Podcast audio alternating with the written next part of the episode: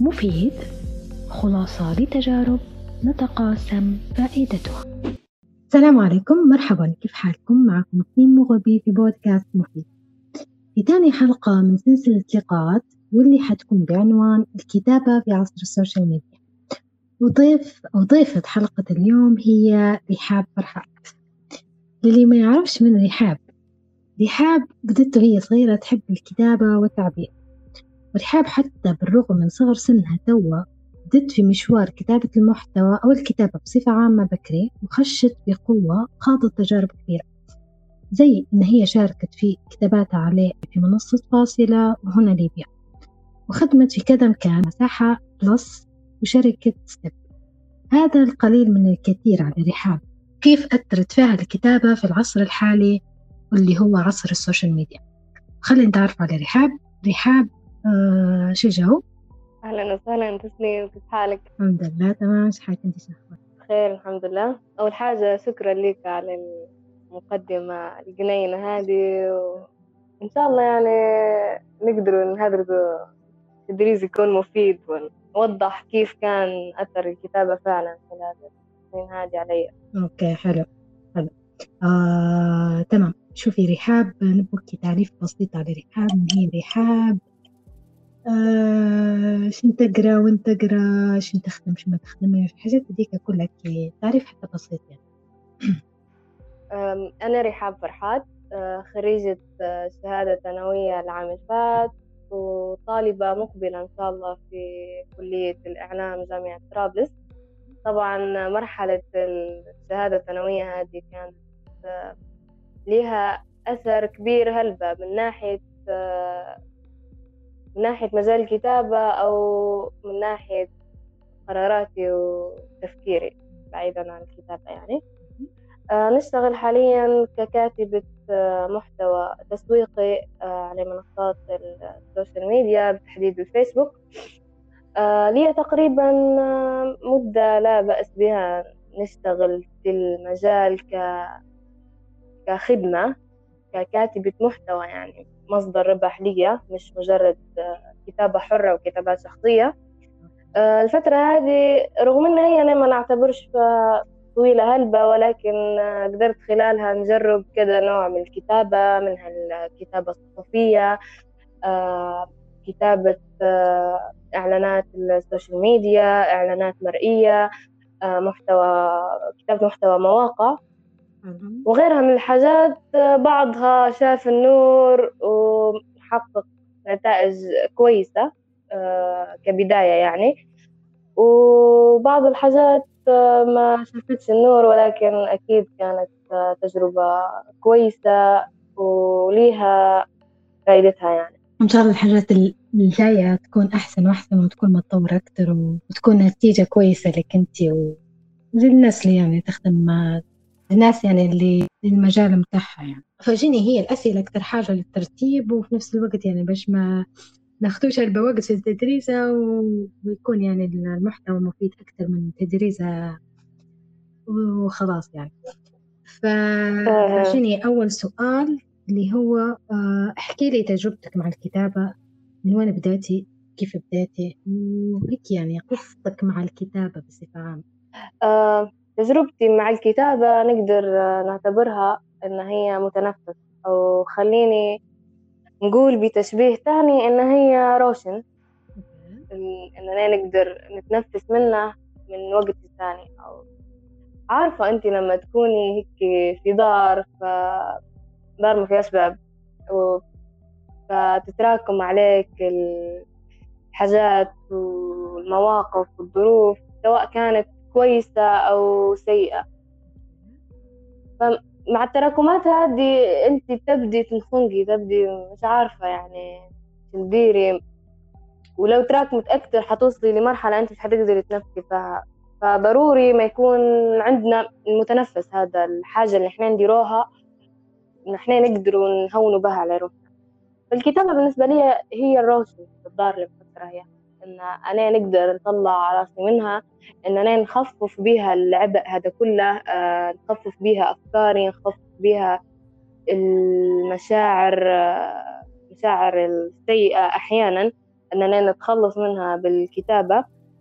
أو حتى يعني من خلال الروشن هذا أنا نقدر نجيب حاجات كويسة نجيب حاجات أفضل لحياتي زي ما توا خصوصا مع تجربة الشغل بالكتابة. قدرت نستقبل هلبة حاجات كويسة آه، سواء أشخاص أو تجارب أو فائدة لي شخصيا يعني من خلال الكتابة. هذه بالنسبة لشني أنا نعتبر في الكتابة. آه بالنسبة لفكرة إن هي منين بدت. آه هي الكتابة ممكن تكون موهبة وممكن تكون مهارة مكتسبة. آه الموضوع أول آه، ما بدأ أساسا بدأ في سن بكري هلبة. فوقتها أصلا أنا ما كنتش عارفة أن حنوصل للمرحلة هذه وأن الكتابة مش مجرد شيء شيء متنفس لي أو شيء أنا نديره لأن أنا نستمتع به ونحبه. ولكن إن هو شغل وإن هو خط أنا حاليا ماشية فيه. آه، الموضوع بالضبط بالضبط بدأ في صف خامس بدأ مع مادة التعبير وفي حصص التعبير. آه، كانت لما لما تجيني كراسة التعبير كنت نسترسل هلبة وأنا نكتب يعني. حط راسي خلاص نكتب حتى أربع خمسة صفحات. مش عارفة الكلام منين كنت نجيب فيه لكن أو شو كنت نكتب على الموضوع هذيك لكن عادي ما, ما كنتش أصلا نفكر في موضوع إن أنا نكتب أو نعبر كويس أو هيك. كان بالنسبة لي ك... كطفل في المرحلة ديك إن أنا ندير في الحاجة هذه وخلاص. لكن السبب أو الشيء اللي خلاني نفك نركز عليها بالضبط إن أنا فعلا عندي القدرة هذه هي ردة الفعل متاع محيطي اللي هي كانوا أهلي آه، أمي وأبوي. وقبلتي قبلت العربي متاع صف خامس قبل فاطمة الله يذكرها بالخير كانت يعني نقطة فارقة بالنسبة لي. وبالضبط فيه موقفين أنا نذكر فيهم آه، وقتها في صف خامس اللي يخلوني نحس بجديات. أنا لا أنا عندي القدرة هذه وأنا نعرف نعبر و... وعندي يعني الحاسة هذه. كان في يوم إن الأبلة كان طالبة منا موضوع تعبير كنا نعبره في الحوش ونمشي ونعاود ونكتبه فيه في الكراسة. فيومها هي كانت عطيتنا موضوع لكن لما جيت لخشة الحصة قالتنا موضوع تاني. فالفصل اعترضوا طبعا وكيف ولا وإحنا متوترين وصارت دوشة شوية على الموضوع فهي قالت خلاص خلوا الموضوع الأول وخلاص. أنا كنت رافعة موضوع التعبير متاعي لكن مشيت لها أنا عجبني لما قلت الموضوع الثاني أنا عجبني الموضوع الثاني. فمشيت لها قلت لها يا أبلة أنا راهو عجبني الموضوع اللي توا قلتيه وأنا عندي تعبيري واتي لكن أنا أنا حابة نعبر عن الموضوع هو جديد. فعادي إن أنا نعبر على حاجة غير اللي هم بيعبروا عليها مش قالت لي تمام. مشيت وليت لمكاني نذكر فيها عبرت. طبعا خربشت سلبة عبيت الكراسة دوا نهاية الحصة رفعتها لها ف... فأنا كنت طبعا كان عندي هذا الفضول متاع أنا بشوف ردة فعلها على الموضوع. فنذكر في ردة فعلها إن هي أول ما خذت مني الكراسة آه، حطت لي درجة كاملة. نعم. أنا استغربت طبعا. أنا قلت لها يا ابني أنت ما قريتيش شيء.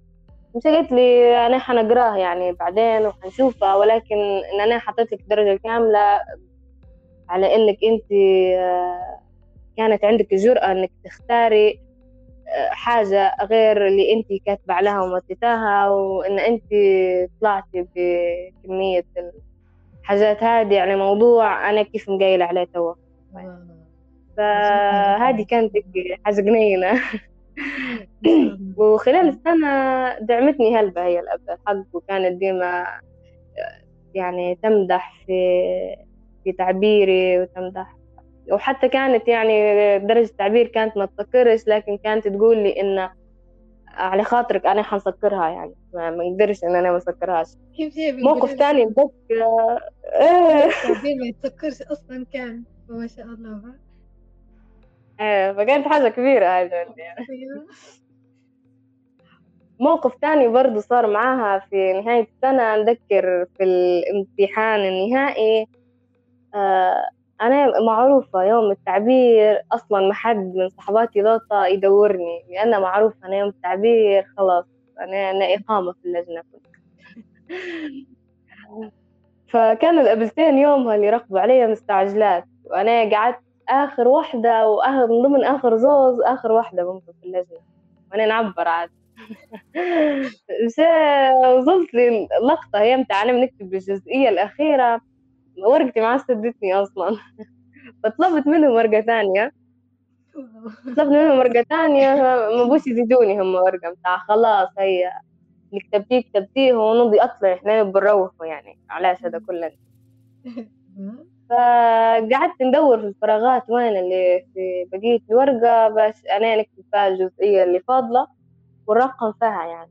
فكانت كأنها ألعاب تركيز هي, هي بتدور وين الباقي وين الجزئية واحد وين الجزئية اثنين وين الجزئية ثلاثة.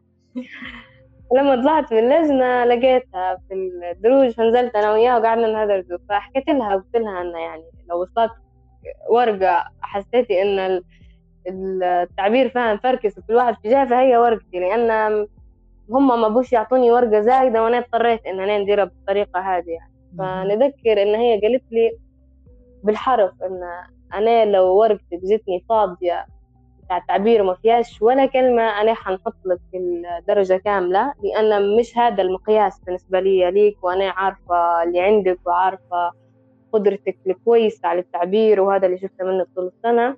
فكانت حتى هي من الحاجات اللي أنا مش ناسيتها لليوم يعني. نعم. فبالضبط كانت هذيك النقطة اللي أنا اكتشفتها الموضوع. OK. آه، تمام. كيف أنت تو مثلا؟ آه، هل تشوفي في روحك مثلا عندك ستايل معين؟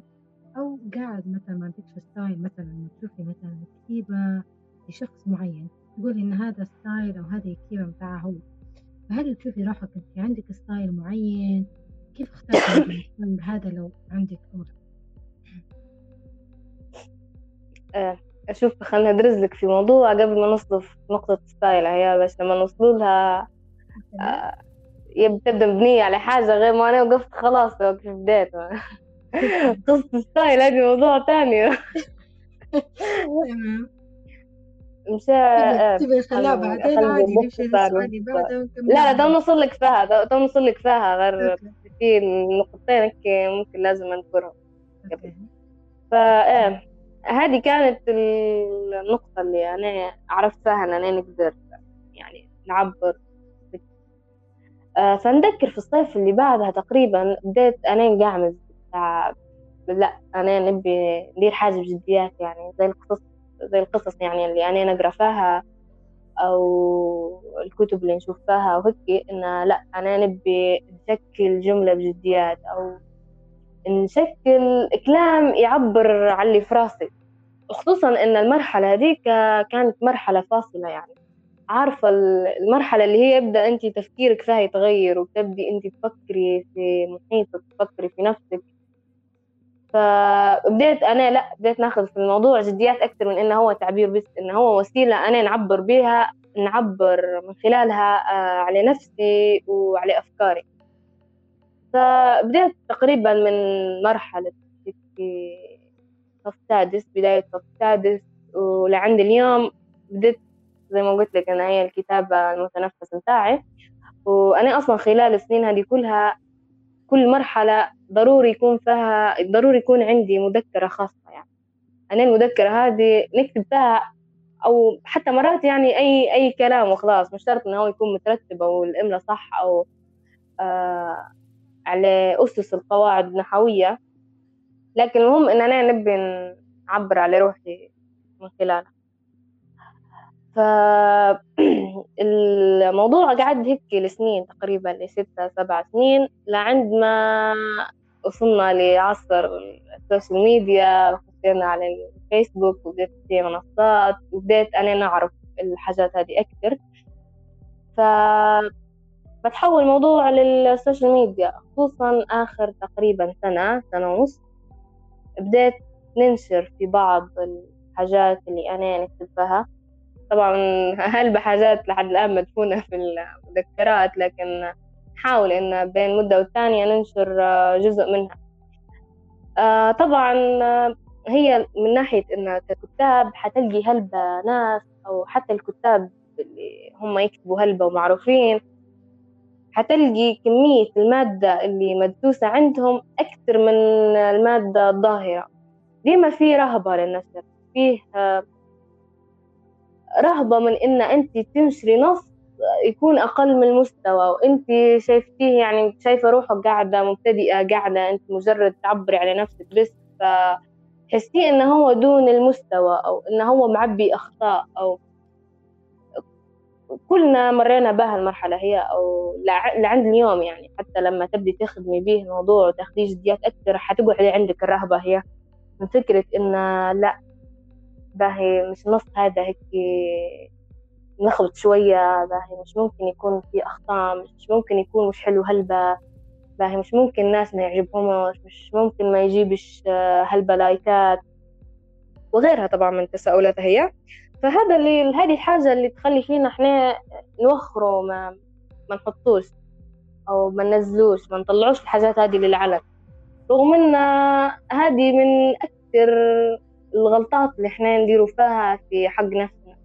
لأن الحاجة لو ما إن هي ما طلعتش أو ما جربناش ننشره ونحطه ونطلع الحاجات هي حيكون مستوى تطورنا أبطأ أو خطواتنا أبطأ حتكون. لأن لما تنزلي الموضوع حيكون حيكون يعني واحد من الاثنين خيار من الاثنين. يا إما أنت حتلقي دعم وحتلقي آه، ناس تغمرك بدعمها وبلطفها. وتخلي عندك الثقة إن أنت تزيدي تنزلي أكثر وتزيدي تطلعي أكثر من الحاجات اللي عندك وتطلعي حاجات أفضل هذه هذه الحاجة الأولى. الحاجة الثانية إن حتى لو ما لقيتيش دعم حتب... حتلقي نقد.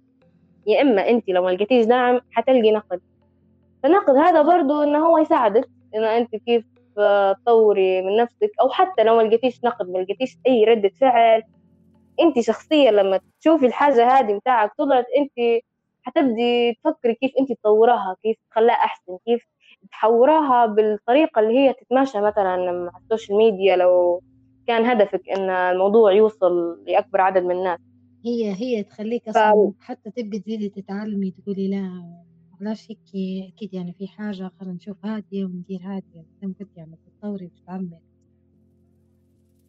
بالضبط. حتزيدي تدوري أكثر وحيكون عندك الدافع إن أنت تزيدي تطلعي حاجات أفضل كل مرة. فهذه غلطة إحنا نديرو فيها. إن إحنا ما للأسف وصدقيني هالبنات عندهم محتوى كويس ويكتبوا بطريقة كويسة عندهم أفكار كويسة ولكن ما ينشروش فيها للسبب هذا. وأنا واحدة من الناس الحق يعني. كنت بالطريقة هي كنت ما ننشرش يعني في أي شيء خاص بي فا إيه. أنا سرحت شوية كأني.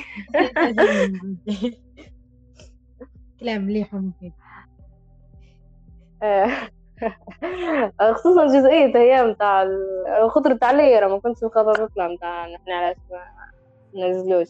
نحن ما ننزلوش. لأن أنا نتفكر واحدة من أهم النصايح اللي جتني. أنا حتى أول ما بديت نخدم آه يعني كان كان البروفايل بتاعي عادي جدا. خش يعني حتحسي إن الشخص هذا ينزل يعني ويكتب وهيك آه لكن كان المدة هذيك كان ذكر إن أنا في شخص نصحني نصيحة مهمة إن إنك أنت توا ما دامك تخدمي في مجال ال social media وإن أنت توا كاتبة محتوى تسويقي لصفحات ال social media. ال profile متاعك بدأ جزء من الهوية متاعك.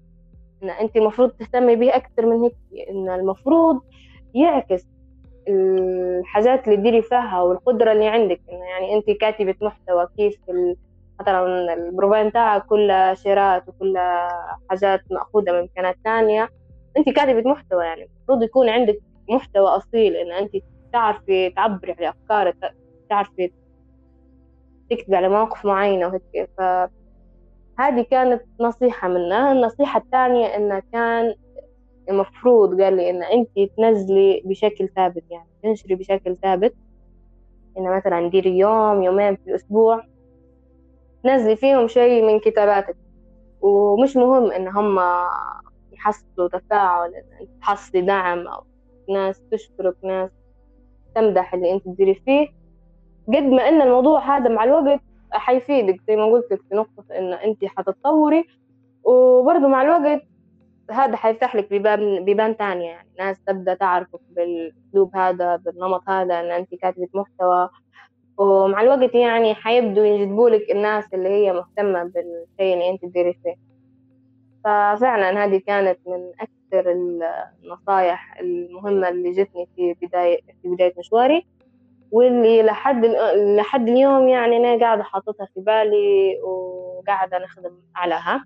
تزامنا مع إن أنا بديت نخدم آه، بديت نحاول إن إننا ننشر يعني حاجات تعبر على أفكاري إننا نطلع من الحاجات اللي درستها للعلن. فلما جربت يعني فعلا لقيت إن الموضوع ممتع وكويس في نفس الوقت. إن أنا الحاجة هذه من الحاجات اللي خلتني نطور من نفسي في مدة مش طويلة هلبة فبديت بديت ننزل في حاجات. طبعا حاجات ممكن لو نشوفها اليوم حنقول إن المستوى متاعها مش مرضي هلبة بالنسبة لي. لحد الآن ما عنديش بالضبط نمط معين ولكن إلى حد ما إيه مثلا صحباتي أو الناس اللي هي مركزة معاي في المدة هي كيف أنا تغيرت. ف في شوية تقريبا هيك طريقة قاعدة نتبع فيها وقاعدة يعني ناوية الله إن أنا نطور من نفسي فيها اللي هي فكرة الربط بين حاجتين متناقضات يعني. يعني بين فكرتين ما لهمش علاقة ببعض. فكيف أنا نحور الفكرتين هادو مع بعض ونربطهم ببعض؟ هي هذه الحاجة اللي قاعدة نخدم عليها وهي هذه الحاجة اللي وصلوني تعليقات إن بدينا لما نشوف حاجة زي هيك نتفكروك أنت. فإلى حد ما هذا النمط اللي أنا ماشية بيه توا ونخدم عليه توا لكن ما الحق قاعدة ما مش مش حاصرة نفسي في نمط معين وقاعدة نجرب. ونمط هذا باش الواحد يوصل لنمط خاص به يحتاج إن هو يجرب هلبة ويكتب هلبة يجرب كذا تجربة باش يعرف بالضبط هو الطريق اللي ماشي فيه أو الطريق اللي الطريقة اللي حتميزه يعني. وفي ناس يعني في في هلبة أشخاص يعني عندهم نمط معين أنا نتابع فيهم ولا قبل ما أنا نقرأ اسمهم نظبط إن نص هذا ليهم. اللي منهم آه، مصطفى أبو زيد وفارس آه، بن شيبان ومحمد ميلاد بفاصلة. آه برضو أميرة الكلباش حليمة عائلة فاصلة هذو كلهم طبعا. فهذو من الأشخاص اللي أنا نظبط أسلوبهم قبل ما نعرف إن هم اللي كاتبين النص. عندهم جو يعني خاص بيهم وعندهم أفكار وحاجات تميزهم على غيرهم. قصدي أنت بكري دويتي على الموهبة وكل شيء. بس شوفي هي ككتابة أو نقولوا مثلا نقولوا الكتابة بصفة عامة هل هي تمشي كعائد مادي أو لا؟ يعني أنت صح خدمتي في إمكانات بس في ناس مثلا تعرف تكتب وهيك لكن ما لقيتش يعني إن هي مثلا الحاجة هذه مشت لها كعائد مادي وهيك يعني. فهل أنت صح تشوفها عائد مادي؟ وشن مثلا الحد يدير باش يقدر يكتسب منها آه، فلوس أو تعود له بفلوس يعني. آه أكيد الكتابة مش موهبة بس الكتابة مصدر دخل ومش توا بس في عصر السوشيال ميديا الكتابة آه بتقدر تكون مصدر دخل من زمان يعني من قبل ما تطلع السوشيال ميديا وقبل ما تنتشر بالشكل الكبير هذا و... وأهم يعني مثال وأهم مجال على إن الكتابة تقدر تكون مصدر دخل هي الصحافة يعني. الصحافة مش مش جديدة مش من عشر سنين أو عشرين سنة فاتت من هلبة سنين يعني. في هلبة مجالات تانية الكتابة أساس فيها والشخص تقدر يكتب يعني يقدر يخدم فيها. أنا الحق حاليا ما تحضرنيش أمثلة منها لكن أعتقد أن هي الكتابة أساس في هلبة حاجات وفي هلبة طرق شخص يقدر يحول بها الكتابة إلى مصدر دخل. آه مدام حديثنا اليوم على السوشيال ميديا خلينا نتكلم على الجانب هذا شوية. خلينا نقولوا إن آه إن زي ما قلتي أنا نكتب لكن ما مش عارفة كيف نحصل فرصة مش عارفة كيف آه نخش في المجال هذا. أو أصلا هي ثقافة كتابة المحتوى وصناعة المحتوى والتسويق الإلكتروني مش مش قديمة هلبة يعني هي جديدة نسبيا. مجال صناعة المحتوى أساسا عالميا ليه حوالي عشر سنين. يعني عالميا مش جديد مش جديد هلبة هو وقاعد الموضوع في بدايته. مازال يعني حيلقى بإذن الله تطور آه، أكثر خلال السنين الجاية وحيلقى اهتمام أكثر من أصحاب الشركات والمؤسسات والدليل على هذا اليوم إن ضد هلبة مؤسسات وهلبة إمكانات تهتم بالموضوع هذا وتهتم بصورتها قدام الناس آه، من خلال السوشيال ميديا يعني وهلبة شركات تسويق آه، تفتح. لكن كيف الواحد يقدر يحصل فرصة من خلال كل هذا. آه، هو شوفي بقى هي موضوع إن الفرص هي أولا وآخرا تسهيل من عند الله سبحانه وتعالى إن الواحد المهم قصدي أولا هي ما هيش فلاحة من شخص إنه هو يحصل فرصة وإنه هو يحصل خدمة وإن الحاجة اللي يدير فيها تحول لمصدر دخل ويكسب منها يعني. آه، هي توفيق من الله. ولكن الشخص اللي يكتب أو الشخص اللي عنده حاجة يبي يستفيد منها ويحولها لمصدر دخل أو يدور على خدمة فيها لازم ما يسعى حتى بأبسط الطرق. يعني إحنا حاليا كنا عندنا يعني كنا عندنا حسابات على السوشيال ميديا كنا تقريبا عندنا فيسبوك كنا عندنا إنستغرام كنا عندنا تويتر. فإحنا نقدر نستخدم المنصات هذه بحيث إن إحنا آه إيه، إحنا نقدر نستخدم المنصات هذه بحيث إن هي توصلنا ل ل ان هي توصلنا يعني لخدمة. وأنا الحق تقريبا الفرص اللي أنا حصلتها كلها لحد الآن كلها من خلال الفيسبوك. آه. آه أنا طبعا الخدمة اللي خدمتها والفرص اللي جتني كلها آه كان الفيسبوك هو سبب فيها. أول خدمة جتني كانت من خلال صديقة طبعا صديقة هذه أساسا أنا تعرفت عليها من خلال الفيسبوك فهي برضو قبلها إعلان إن شركة طالبة كاتب محتوى من خلال فيسبوك. فهي بعثته لي. هذه أول فرصة. الفرصة اللي الفرص اللي بعدها كلها أو الحاجات اللي أنا لليوم ندير فيها تقريبا كلها من خلال فيسبوك وكلها أونلاين. يعني يا إما حد يا إما حد يدور فأنا خشيت كلمته أو يا إما حد خش شاف ال profile متاعي أو حد سمع بيا فخش كلمني من خلال الفيسبوك كلها. ف آه زي ما قلت لك إن هي أولا عن آخرا هي تسهيل وتوفيق من الله سبحانه وتعالى إن الشخص يحط في نيته إن هو يبي يخدم ويبي يحول الموضوع لمصدر دخل ويسعى بأي طريقة وبأصغر سبب. يعني أقل شيء لو إنه هو ملقاش فرصة يخدم بها ويحصل منها مقابل توا آه، يركز على ال profile متاعه لأن هو اليوم ال profile متاعه هو يمثل هويته بشكل أو بآخر ككاتب محتوى أو صانع أو أي أو يعني صانع أي نوع من أنواع المحتوى مرئي أو مسموع أو كتابي. إن هو يهتم بال profile متاعه ينشر فيه باستمرار. إن هو اليوم في هلبة مجموعات هلبة جروبات آه، يقدر يعرض فيها أعماله. أوكي. فبرضه يقدر ينشر فيها. أو زي ما تكلمت في سلسلة التوظيف عن أهمية العمل التطوعي يقدر يتطوع مع منصة أو مكان بحيث إنه هو يخدمهم يخدم لهم يعني المحتوى متاعهم إنه هو يساعدهم فيه.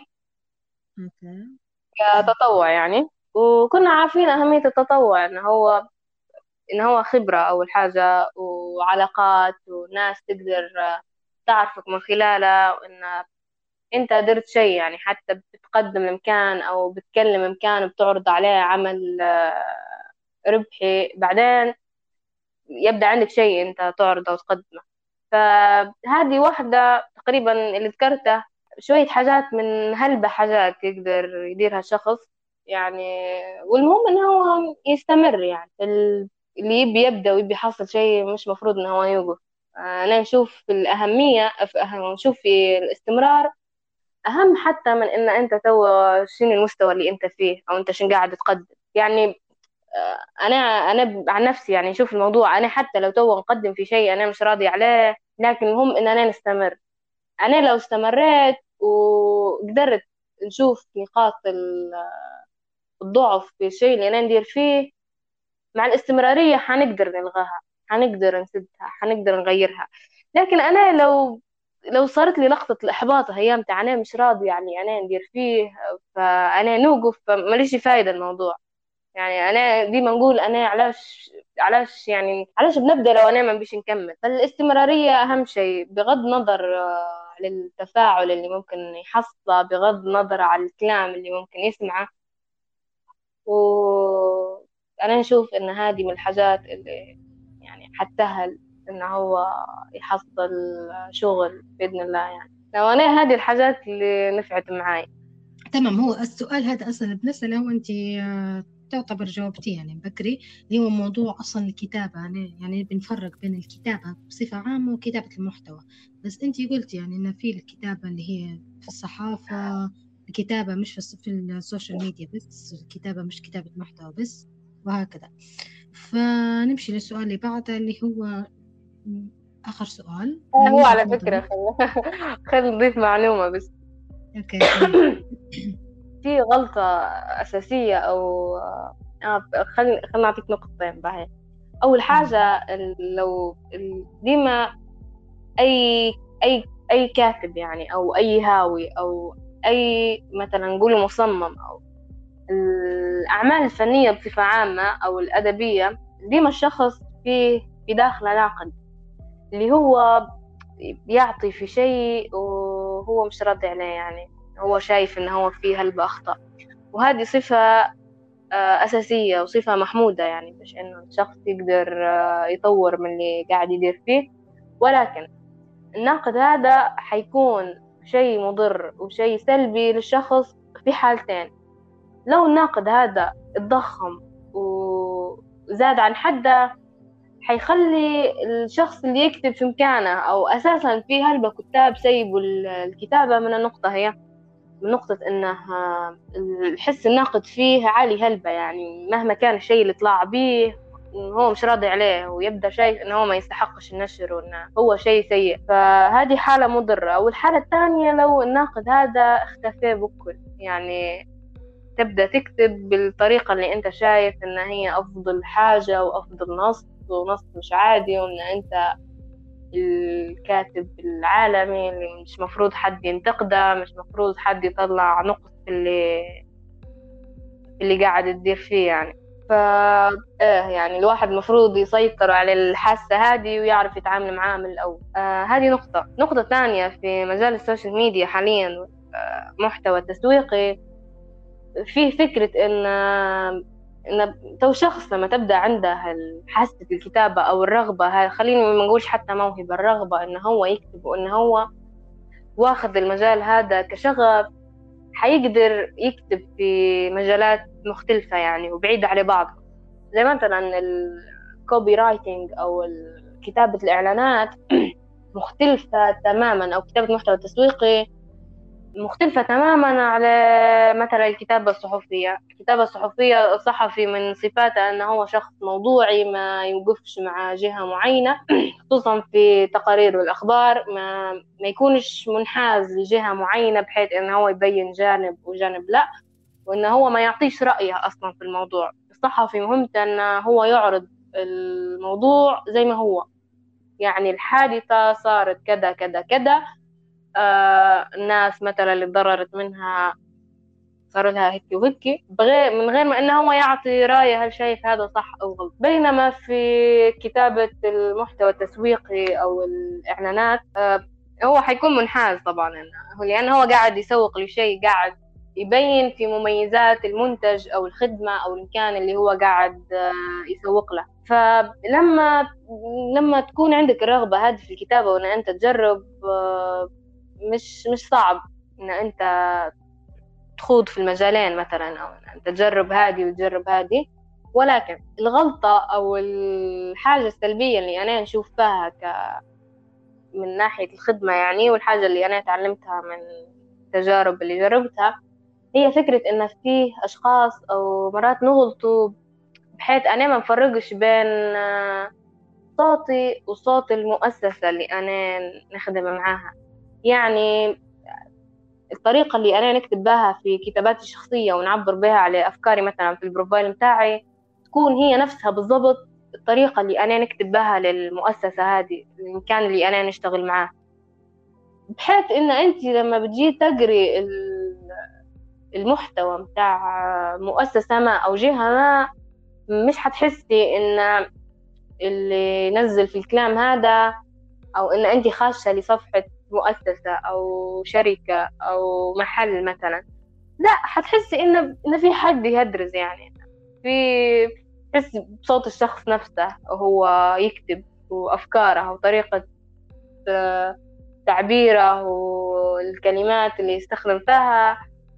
فهذه نقطة سلبية لأنها حتشوش على هوية المؤسسة وبرضه هو كاتب المحتوى نفسه حيقعد في نفس المكان يعني مش حيتطور هلبة إنه هو حيقعد يدور في نفس الدائرة إنه هو شخصيته بس. بينما المفروض إنه هو يكون مرن أكتر يحاول يطلع من الدائرة هذه اللي هو فيها ويعرف كيف يتقمص صوت المؤسسة هذه وصوت الجهة ال brand هذه يعني. okay تمام. okay. آه... تمام. آه نشوف هيك آخر نصيحة وآخر كلام منك أنت؟ كيف تشوفي في مستقبل الكتابة من وجهة نظرك؟ أو نقصد أكثر حاجة كخدمة كتابة المحتوى التسويقي. آه إيه. هو شوفي أنا ما زلت آه، أصغر من إن أنا نعطي نصيحة لحد. أنا أساسا على المستوى الشخصي لو على مستوى الكتابات الشخصية ما زلت ما نعتبرش في نفسي كاتبة وما زلت إن أنا نشوف اللقب هذا كبير يعني شخص يوصل لمرحلة إن هو كاتب.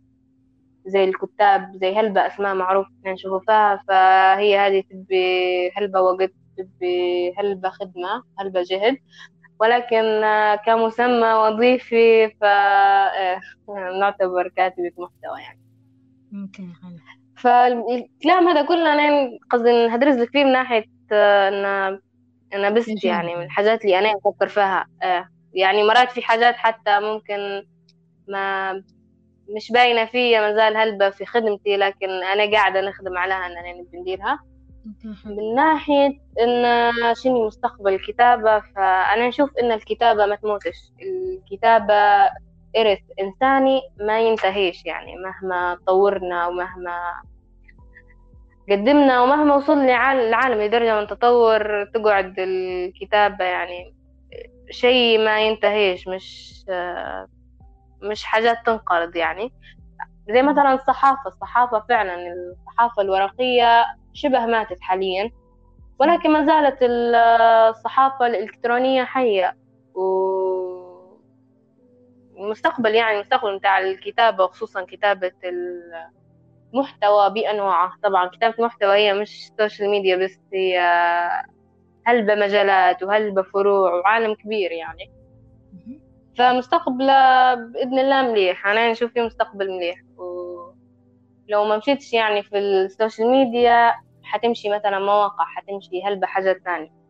آه في شيء أنا سمعت عليه أو عرفته خلال الفترة اللي فاتت هي فكرة العالم الافتراضي مثلا.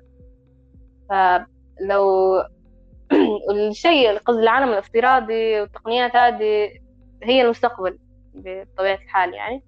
فحتى التقنيات هذه تحتاج لكتابة محتوى وتحتاج لشخص. هي طبعا مش حيكون فيها كلام مش حيكون فيها كتيبة ولكن تحتاج لقصة يعني. لو مثلا إحنا بنستخدموا التقنيات هذه في التعليم أو في توصيل رسالة معينة أو في بناء تجربة معينة ح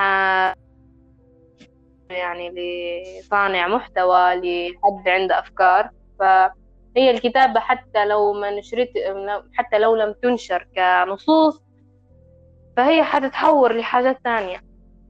حتى الأفلام القصيرة اللي إحنا نشوفه فيها ما فيهاش ولا كلمة فهي أساسها ال storyboard متاعها كلام يعني قصة. شيء مكتوب. وعلى صعيد يعني ليبيا وعلى صعيد آه، محيطنا إحنا فالموضوع قاعد يتطور قاعد يزيد قاعد يلقى في اهتمام من المؤسسات ومن الشركات وبدأ ينشر يعني. وأعتقد إنه في وقت آه، مش حيكون بعيد ح... حيزيد يتوسع الموضوع أكثر. لأن إحنا في عصر السوشيال ميديا يعني. خلاص ده, ده شيء أساسي هذا. okay حلو. تمام آه شكرا شكرا رحاب على موافقتك لاستضافة الاستضافة وشكرا لك على وقتك وعلى المعلومات هذه كلها. الكلام هذا كله طبعا ما زالت يعني في دواء أكتر بس نحاول يعني أيامات السلاسل الجاية والحلقات الجاية تكون في حاجة هيك معينة تتكلم على موضوع معين وإن شاء الله تكوني موجودة معانا وناس تانيين يكونوا موجودين معانا ونتكلموا على مواضيع مهمة على مثلا الكتابة أو أي موضوع تاني مثلا يمس توا الجانب ال social media وجانب التطور. فهذا هو. شكرا لك رحاب وكان عندك أنت كلمة أخيرة وكي أنا ممتنة جدا جدا حقيقة لك على الاستضافة وعلى هذه الطويلة هذه. آه، سامحيني لو طولت عليك. آه، شوية بترس بدوز أنا كنت تحمست في الموضوع خلاص يعني. وإن شاء الله يعني قدرنا نوضحوا أجزاء معينة ونشاركوا تساؤلات أو نقاط. لربما أن هي تفيد شخص ما يسمعنا. وأنا متأملة خير إن شاء الله في مفيد بالفائدة اللي هو جايباها وبالأثر اللي حاول يصنعه هو هذا وشكرا لكم شكرا لك. وطبعا ما ننساش إن دي حابة ولها touch كبيرة في ال social media على الفيسبوك بالذات. آه، وبعدين يعني الباقي copy paste للأسف لتوا فالحق يعني قاعدة تحط في تاتشاتها في ال social media بتاع مفيد. من الحلقة هذه الحق يعني بنشكر قلبها على ال... على إن أنت يعني كيف خشيتي وقلتي لي إن أنت بتساعد إن كان مثلا نبي مساعدة أو حاجة في موضوع ال social media والحق يعني كنت محتاجتها ومنور عليها. شكرا لك هلبة وإن شاء الله يعني المستمعين شهادة نعتز بها والله هذه. شكرا لك أنت. أقل شيء هذا ممكن نقدمه لشخص يحاول إن هو ينقل تجربته ويفيد محيطه ويفيد الناس الثانية. وإن شاء الله يعني أي شيء أنا نقدر نساعد به لأي حد يسمع فينا حاليا. أي شيء أنا نقدر نساعد به فأنا موجودة إن شاء الله. و... وربي يقدرني ونقدر نساعد بأي شيء نقدر عليه. شكرا. شكرا لك تسليم آه شكرا مرة ثانية لرحاب وإن شاء الله استفدتوا من المعلومات هذه كلها والتدريس هذه كلها. وفي الأخير ما تنسوش تديروا شير وتعلقونا لو كان في يعني الموضوع نفسه تبغوا تدرسوا على حاجة تبغوا تتواصلوا مع رحاب كلها جائز. وشكرا لكم ومنورين.